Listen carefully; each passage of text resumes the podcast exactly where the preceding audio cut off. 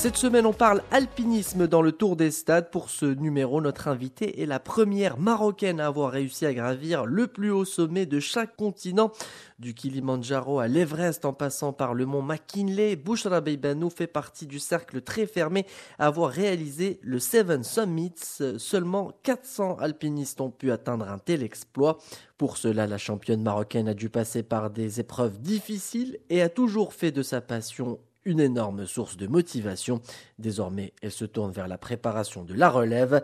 Bouchara Beibanou revient d'abord sur sa carrière exceptionnelle. Mon projet a commencé en 2011 par euh, le plus haut sommet de l'Afrique, euh, le Kilimanjaro. Et donc euh, après, j'ai osé rêver. J'ai dit, je vais commencer ce projet-là. J'ai vu que c'était très très difficile, très coûteux aussi, mais j'ai osé rêver. Donc j'ai commencé et ce projet-là m'a amené dans les différents continents du monde. Donc ça m'a permis d'aller vers l'Afrique, l'Europe, l'Amérique du Nord, l'Amérique du Sud, l'Océanie, en Papouasie-Nouvelle-Guinée.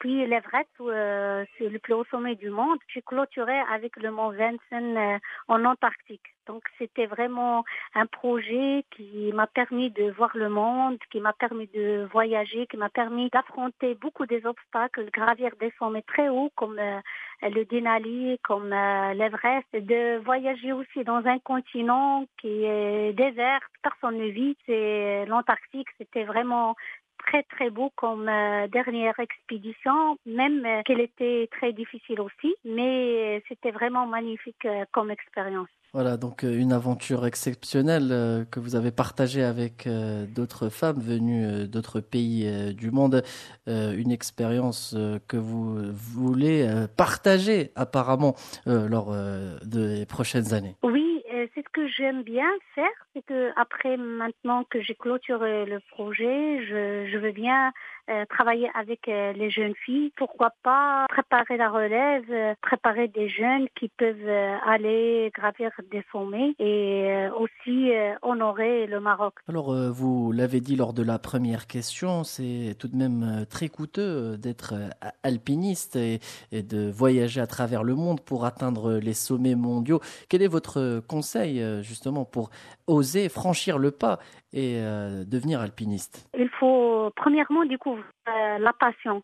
Euh, parce que si on n'est pas passionné, on ne peut pas supporter toute la difficulté que j'ai vécue. On ne peut pas supporter le froid, l'isolement, la difficulté, affronter aussi la mort, par exemple, parce que dans euh, l'Everest, il y a beaucoup de gens qui peuvent euh, mourir à cause de l'altitude, à cause des tempêtes, des froids. donc, il faut vraiment être très passionné pour être très motivé. C'est ça qui va permettre à la personne de persévérer, d'aller jusqu'au bout de leur rêve, découvrir premièrement votre patience. Après, il faut commencer par apprendre les techniques. Donc l'alpinisme, c'est pas de la randonnée, c'est différent. Donc il y a beaucoup de gens qui font de la randonnée, mais pour aller affronter les plus hauts sommets, il faut apprendre les techniques de l'alpinisme. Donc moi, j'ai fait beaucoup de stages avant de faire ce projet-là. J'ai commencé par aller faire euh, un stage euh, d'alpinisme au Mont Blanc, puis j'étais aux États-Unis. Puis après, il faut commencer petit à petit parce qu'il faut savoir